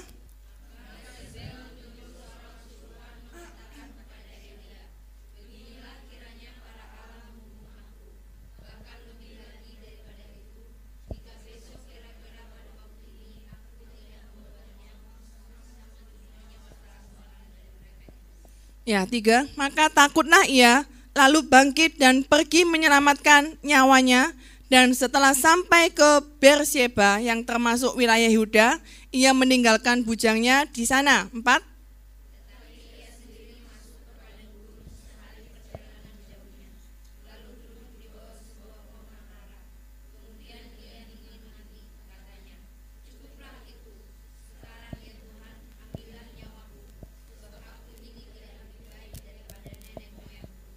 Sesudah itu ia berbaring dan tidur di bawah pohon arar itu, tetapi tiba-tiba seorang malaikat menyentuh dia serta berkata kepadanya, "Bangunlah, makanlah." 6.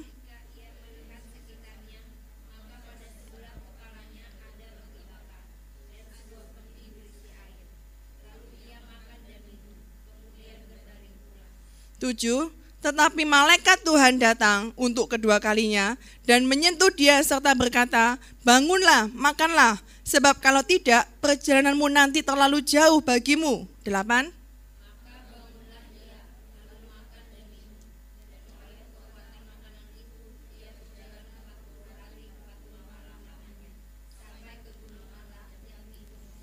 Iya, itu saudara. Elia di Gunung Horeb. Ya, Ketika terjadi bahwa para nabi Baalnya sudah mati semua saudara, Isabel marah. Apa yang dia lakukan? Dia ingin balas dendam kepada Elia. Apa ini? Siapa itu yang telah membuat para nabiku mati? Aku akan berperhitungan dengan dia, dia pun harus mati. Kemudian dia mengerahkan semua pasukannya untuk mengejar Elia dan membunuh Elia. Ya. Saudara, coba kalau kita membayangkan, ya, seorang nabi yang besar, dia yang sudah dia sudah mengalami kuasa Tuhan, dia sudah mengalami mujizat Tuhan, bahkan dia mengalami suatu hal yang spektakuler dalam hidupnya, saudara. Dia yang penuh keberanian menantang para nabi Baal. Saya percaya itu bukan kekuatannya sendiri, dia percaya bahwa Tuhannya adalah Allah yang hidup. Karena dalam keyakinan di dalam hatinya, aku tuh punya Allah yang hidup, aku pasti menang. Ya, karena itu dia berani menantang para nabi Baal itu. Dan pada suatu ketika ketika dia mendengarkan perintah dari Isabel ini bahwa dia akan dibunuh saudara, apa yang terjadi? Dia ketakutan, dia lari ketakutan, dia kemudian pergi ke Berseba, kemudian dia bahkan meninggalkan bujangnya di sana, dia mungkin punya ya pelayan gitu ya, bujang di sana, dia tinggalkan, dia kepengen sendiri saudara. Bahkan dia masuk ke padang gurun. Saudara seorang Nabi Elia, Nabi yang besar pun, dia pernah mengalami saat-saat keterpurukan saudara. Seorang yang saya percaya bahwa waktu antara Elia di Gunung Karmel dengan Elia di Gunung Horeb, ini waktunya nggak sampai setahun, nggak sampai sebulan, mungkin nggak sampai seminggu saudara, tapi baru kemarin mungkin. Atau beberapa hari yang lalu setelah dia mengadakan mujizat yang besar saudara menunjukkan kuasa Allah yang besar. Tapi baru dua hari mungkin tiga hari nggak sampai seminggu saudara. Apa yang terjadi? Dia down. Dia mengalami ketakutan ketika ada masalah. Ya ketika ada masalah dia lalu down. Dia langsung takut menyelamatkan nyawanya. Dia bertindak seperti dia nggak punya Tuhan. Padahal sebelumnya dia bertindak penuh dengan kuasa, saudara. Bahkan dia lari ke padang gurun. Dia lari ke padang gurun. Kekeringan. Dia mengalami mungkin masa-masa kekeringan. Dia mengalami masa-masa kesunyian. Sendirian. Dia mungkin mengalami masa-masa yang gak enak, saudara. Dan yang sangat parah, saudara. Ketika dia berjalan, dia ayat yang keempat, ia sendiri masuk ke padang gurun sehari perjalanan jauhnya. Ya mungkin dia sambil apa saudara? Berjalan lemah gontai. Mungkin dia sambil, aduh aku ini kok sepanjang perjalanan saudara. Dia mungkin apa pun bisa terjadi saudara. Dan kemudian dia duduk di bawah pohon, kemudian dia ingin mati. Ya, bisa bayangkan saudara, kontrasnya firman Tuhan ini saudara kemarin penuh kuasa, luar biasa. Tetapi dalam perjalanan mengikut Tuhan, dalam perjalanan dia mungkin akan dipakai oleh Tuhan. Dia bisa mengalami masa-masa yang lemah, bahkan terlemah dalam hidupnya. Dia bahkan ingin mati, saudara. Aneh nggak, saudara? Aneh. Dalam perjalanan di padang gurun, saya percaya iblis bekerja, saudara. Sehari perjalanan jauhnya dia berjalan mungkin gontai di padang gurun. Saya percaya iblis sudah memasukkan pikiran-pikiran jahatnya kepada Elia. Berkata apa? Elia, kamu ngapain ikut Tuhan? Kamu ikut Tuhan melakukan mujizat yang besar, tetapi akhirnya engkau akan dibunuh. Ya, sudah tidak ada gunanya. Kemudian dia mungkin memberikan intimidasi yang lain mungkin diberikan perasaan-perasaan yang lain sehingga apa yang terjadi ketika dia di bawah pohon arar saudara dia ingin mati katanya apa cukuplah itu. Sekarang ya Tuhan ambillah nyawaku sebab aku ini tidak lebih baik dari nenek moyangku. Ada mengasihani diri saudara. Berapa banyak di antara kita perjalanan kita mengikut Tuhan ya? Perjalanan kita menuju kota Sion untuk menggenapi rencana Tuhan, kita mengalami grafik-grafik dalam hidup kita. Mungkin ketika kita habis on fire, kita mengalami titik yang terlemah. Bahkan kita mungkin mengasihani diri kita, saudara. Waduh Tuhan, aku ini gak lebih baik dari orang itu. Kenapa aku gak bisa punya karunia seperti orang itu? Kenapa aku kalau WL gak bisa seperti yang itu? Ya, Kenapa kalau khotbah gak bisa seperti yang itu? Kenapa kalau main musik nggak bisa seperti yang itu, gitu ya? Banyak saudara. Kenapa? Kenapa dan kenapa saudara? Kita mungkin bisa membandingkan diri kita sendiri. Dan pada saat-saat terlemah kita saudara, kita mungkin akan muncul perasaan pengen mati. Ya, ini orang Elia ini juga tipe orang melankolis saudara. Ya, orang-orang melankolis itu kadang sering pengen mati saudara. Siapa ini yang pengen mati? Pernah pernah merasa pengen mati? Mengalami masalah dikit aja, pengen mati saudara Dulu saya kita bisa mengalami perubahan saudara dalam hal karakter. Jadi nggak ada yang namanya aku nih karakter gini ya selamanya kayak gini. Dulu saya ini lumayan melankoli saudara ya. Waktu SMA eh, awal-awal perguruan tinggi saya termasuk melankolis, tetapi sekarang rasanya melankolisnya sudah mulai terkikis saudara ya. Melankolisnya. Jadi udah nggak terlalu sampai main perasaan kayak gitu ya. Ya sudah mulai cueknya mulai muncul saudara ya. Nah, kalau sudah melankoli saudara, saya dulu pernah kumat melankolisnya, saya berkali-kali pengen mati saudara. Ya, berkali-kali saya juga pengen namanya mati, tapi saya nggak mau bunuh diri. Ya, jangan ingin mati dan berpikir hidup ini susah, semakin susah daripada aku nanti masuk cuman anti Kristus, mending mending aku mati dari mempersiapkan diri untuk mati cepat. Makan makanan duren, sate kambing, babi gitu ya. Kapan lagi? Kerang, kepiting, semuanya dimakan biar nanti cepat mati gitu ya. Nah, kembali bahwa masa-masanya Elia ya, dia menga, pernah mengalami masa-masa yang melo, Saudara. Melo, ingin mati karena mengalami suatu masalah dalam hidupnya. Dulu saya nih melo banget. Saya memilih jurusan, mau masuk jurusan apa aja. Antara ekonomi, teknik itu sempat saya kepengen mati saudara. Masa itu hal yang aneh kan? Ya, wah melo banget ya. SMA saya bingung saudara, bingung. Saya ini pengen menyenangkan orang tua pokoknya. Saya ingin pekerjaan yang pokoknya nanti bisa kaya gitu ya. Pokoknya, pokoknya dan banyak saudara. Ya, sampai waduh aku pengen mati aja saking bingungnya gitu ya. Wah ini tidak masuk akal saudara. Mungkin kita pernah mengalami masa-masa tidak masuk akal masa-masa kebodohan dalam hidup kita. Dikit-dikit pengen mati, dikit-dikit pengen mati. Hati-hati saudara, jangan sering ngomong kayak gitu dan segera dicabut. Itu bisa diambil iblis, ditempa iblis dan dipanahkan kepada kita. Ya.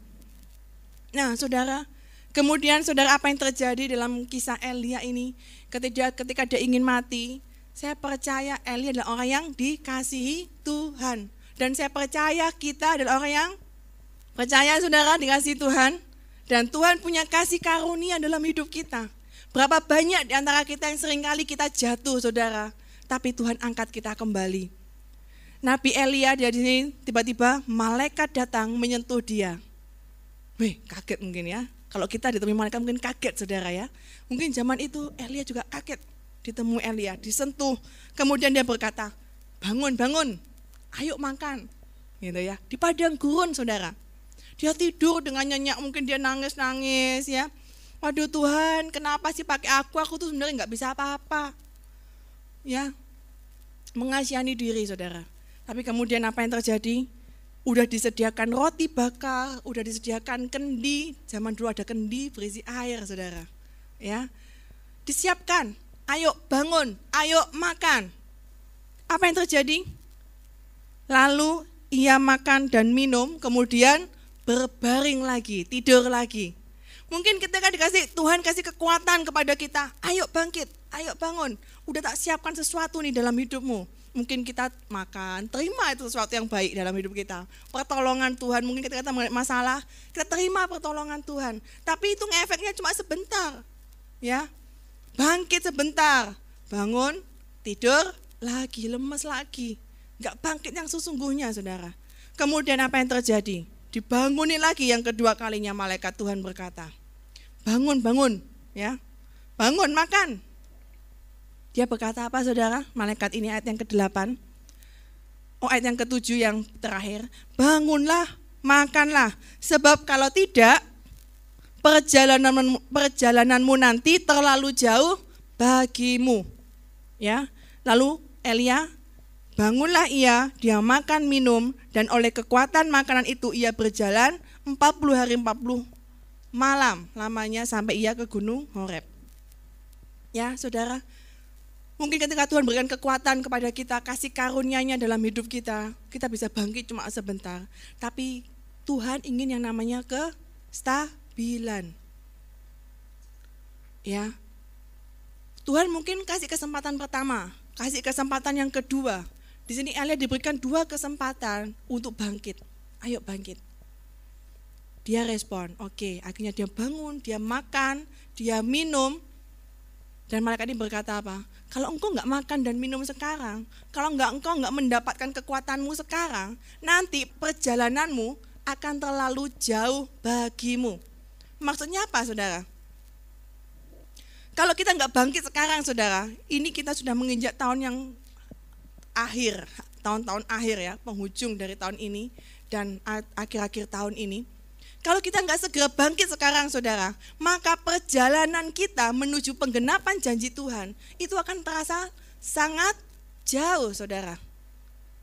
Ya, kalau kita lemah, kalau kita lemes, kalau kita selalu jatuh bangun saudara, maka perjalanan kita menuju penggenapan itu akan terasa jauh banget saudara. Ya, saya percaya Tuhan berikan janji yang luar biasa dalam hidup kita kalau tahun-tahun ini adalah tahun-tahun pendidikan, saya percaya tidak lama lagi akan ada tahun-tahun kesehatan. Ya, tim-tim kesehatan dibutuhkan di tempat ini. Saudara, tim-tim kesehatan dibutuhkan, Saudara. Kita akan buka, kita akan adakan gebrakan di bidang kesehatan. Ya. Kalau kita mulai kita rintis uh, tahun-tahun ini adalah tahun-tahun pendidikan, kita mau dobrak pendidikan. Ternyata Saudara, di dalam sebuah kegerakan di satu bidang itu butuh yang namanya rasul, butuh yang namanya pemegang jubah, butuh yang namanya eh, ketua-ketua di bidang masing-masing saudara untuk bisa ada suatu kegerakan. Ya. Karena itu nanti di pendidikan ada rasul, ada pemegang jubah, ada ketua-ketua di bidang pendidikan yang lain di nanti di kesehatan ada rasul, ada pemegang jubah, ada nanti di bidang apotek ketuanya siapa, di bidang klinik ketuanya siapa, rumah sakit ketuanya siapa. Akan sungguh indah saudara. Tapi itu butuh yang namanya kestabilan. Kestabilan. Kalau kita nggak stabil, kita nggak bisa menjaga roh kita tetap kuat saudara. Kita nggak akan bisa mencapai garis akhir saudara. Saya nggak bisa, kita nggak bisa mencapai garis akhir. Bahkan kita nggak bisa melihat apa yang Tuhan janjikan dalam hidup kita itu terjadi.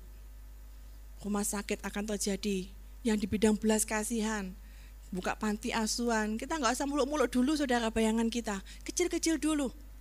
Kadang saya ini orangnya juga idealis, pengennya langsung besar. Saya ini bayangannya idealis. Kalau bisa NTC-nya ini sudah rapi, sudah khusus untuk NTC, yang elit saudara. Saya sering kali dimarahi ya sama Bapak Gembala, kamu tuh idealis banget, gak bisa kalau kamu kayak gini ya. Mulai dari hal yang kecil-kecil dulu, apa yang ada dulu. Saya belajar dan saya juga tapi harus seimbang. Kalau tidak nanti saya terlalu mengalir, tidak bisa tersistem dengan baik. Saya orangnya sistematis, semuanya harus direncanakan dulu. Ya, tapi kalau cowok biasanya apa? Jalan, jalan, jalan, rasio pokoknya jalan, pasti bisa gitu ya kalau cewek ini banyak mikir sih apalagi apalagi tipe saya ada melankolisnya saudara ya. Perfeksionisnya ada. Mikir sih ya sekolah itu harus dipikir sih ya sistemnya gini gininya itu harus saling melengkapi saudara ya. Nah semuanya harus kita kerjakan. Dan itu adalah kerjasama dari tim kita. Amin. Tidak ada satupun di tempat ini yang tidak akan ambil bagian. Semuanya bisa. Ya kalau engkau nggak bisa di bidang kesehatan, nggak bisa ngeraci obat, engkau punya belas kasihan, engkau bisa menerapi orang, engkau bisa menyembuhkan orang. Kalau engkau nggak bisa apa, di pendidikan nggak bisa ngajar, engkau bisa apa? Bisa apa? Ya bantu bersihin apa sekolah gitu ya. Betul loh saudara ya, itu guru-gurunya kasihan ya. Habis dia jaga anak, bersih-bersih rumah gitu ya, bersih-bersih sekolah gitu kan ya. Pokoknya serba, serba bisa ya. Engkau yang di pelayan belas kasihan, oh bukan tempat saya di sini gitu ya. Aku nggak ada panggilan mungkin di panti asuhan. Engkau bisa di tempat lain saudara. Yang paling engkau bisa juga engkau bekerja, aku mau jadi penyalur dana lah itu juga penting saudara. Ya, Penyalur dana, boleh itu ya. Nah, sebagai penyalur dana, oke aku mau donatur, pokoknya 10 juta per hari. Wah ya. Untuk memberikan makan kepada anak-anak. Wah ya. Saudara, kemarin di televisi, ini kok ada cerita, ada sebuah siaran, ada seorang ibu diwawancarai pakai kacamata gitu ya, agak gemuk gitu ya. Uh, diwawancarai dan dia ternyata punya banyak anak-anak saudara. Anak-anak jalanan, anak-anak apa? Asongan, anak-anak apa lagi? Rumah singgah, ya kayak gitulah ya. Lah itu rumah singgah maksudnya. Ya, dia mengelola rumah singgah, dia pakai rumahnya itu untuk nampung mereka dan di sana diberitakan firman, saudara. Dia ibu ini kelihatannya nggak pintar bicara, saudara. Ketika diwawancarai, dia tuh malu-malu, saudara. Ya, mungkin ada di tempat ini, mungkin yang kacamata gitu ya, yang ibu-ibu gitu ya. Suatu saat mungkin ada yang seperti itu nanti ya. Engkau mungkin nggak pintar ngomong, saudara ketika diwawancara engkau ngomong senyum gitu ya, malu-malu gitu ya. Iya gitu ya. Malu-malu, tapi dia ternyata memberikan dampak yang besar, Saudara. Itu ada di Indonesia di mana? Di Surabaya.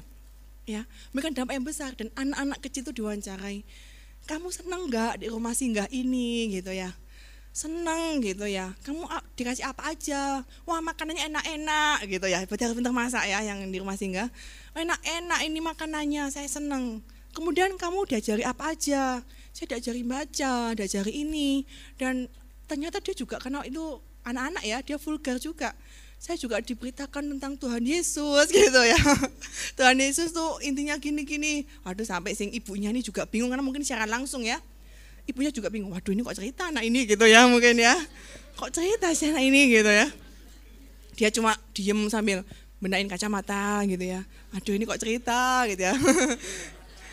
Intinya kita bisa berdampak. Mungkin dari kita masih muda ini, kita bisa berdampak mulai rintis sesuatu, saudara. Ya, mungkin nggak hal-hal yang besar dulu, saudara. Rintis, yang penting kau punya visi yang kau tanamkan dalam hatimu.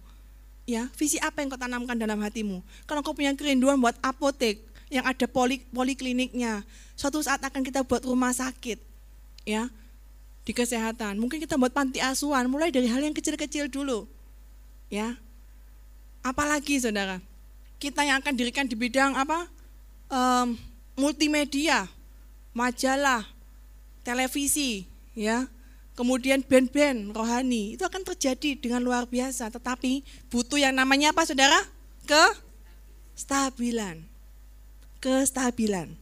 Ya, sebab kalau tidak perjalananmu nanti akan terlalu jauh bagimu, akan terlalu rasanya janji Tuhan akan terlalu jauh banget saudara ya butuh yang namanya kesetiaan butuh yang namanya kata Natalia apa tadi ketaatan ketaatan satu gandeng satu paket dengan kesetiaan. Hanya orang-orang yang setia dia akan memerintah bersama dengan Tuhan. Ayat terakhir saudara. Nah, ayat terakhir. Wahyu ya. Wahyu 2 ayat yang ke-10 kita baca sama-sama. Wahyu 2 ayat yang ke-10. Kita baca sama-sama. Jangan takut terhadap apa yang harus engkau derita. Sesungguhnya iblis akan melemparkan beberapa orang dari antaramu ke dalam penjara supaya kamu dicobai dan kamu akan boleh kesusahan selama 10 hari. Hendaklah engkau setia sampai mati dan aku akan mengaruniakan kepadamu mahkota kehidupan. Ya, jangan takut saudara, dalam kegerakan kita mungkin ada beberapa orang yang mungkin akan mati, martir, ya. Jangan takut. Ya, setia sampai mati, stabil sampai mati. Maka Tuhan akan memberikan kita mahkota kehidupan. Kita nggak tahu jalan hidup kita, saudara. Siapa tahu di sini ada rumah sakit atau panti asuhan atau apa pun ternyata kemudian setia sampai akhir saudara. Wahyu 17 ayat yang ke-14. Kita baca sama-sama, 1, 2, 3. Mereka akan berperang melawan anak domba, tetapi anak domba akan mengalahkan mereka, karena ia adalah Tuhan di atas segala Tuhan dan Raja di atas segala Raja. Mereka bersama-sama dengan dia juga yang menang, yaitu, iya, yaitu mereka yang terpanggil, yang telah dipilih, dan yang setia. Saudara, akan ada peperangan dan kita akan ikut berperang bersama-sama dengan Tuhan, ya. Dan kita akan menang. Dan kita yang menang adalah kita yang ter apa? Panggil. Saya percaya kita semua terpanggil di tempat ini. Kita semua dipilih di tempat ini. Tetapi satu hal yang harus kita lakukan yaitu apa? Mereka yang setia. Setia Saudara, setia sampai akhir, stabil sampai akhir. Ya. Jangan sampai kita mendahului dengan roh, mengakhiri di dalam daging. Kita mungkin dulu on fire untuk Tuhan, mencintai Tuhan, saudara. Tuhan tuh melihat akhirnya, endingnya. Tuhan nggak lihat awalnya, saudara. Start kita bisa beda-beda, saudara. Tapi Tuhan lihat akhirnya, akhir hidup kita. Waktu kita datang kepada Tuhan, dipanggil Tuhan, ya, rest in peace. Itu yang Tuhan lihat. Akhir hidupmu seperti apa? engkau sudah berbuahkan sesuatu, engkau sudah berikan yang terbaik buat Tuhan atau tidak, saudara. Jagalah kestabilan roh kita, bahkan tahun depan, saya percaya tantangan akan semakin besar. Ya, tahun demi tahun tantangan akan makin besar, nggak akan semakin mudah. Tapi kita butuh yang namanya kekuatan. Tuhan akan berikan kekuatan kepada kita. Tuhan punya kasih karunia-Nya, tapi Tuhan juga punya waktu atau beberapa kali kesempatan. Dan kalau engkau memang orang yang bebal, engkau orang yang nggak bisa diatur, engkau nggak orang yang nggak bisa dibentuk, ya Tuhan akan tinggalkan kita. Jangan sampai jadi orang yang bebal. Amin. Amin. Oke, kita selesai ya. Kita berdoa.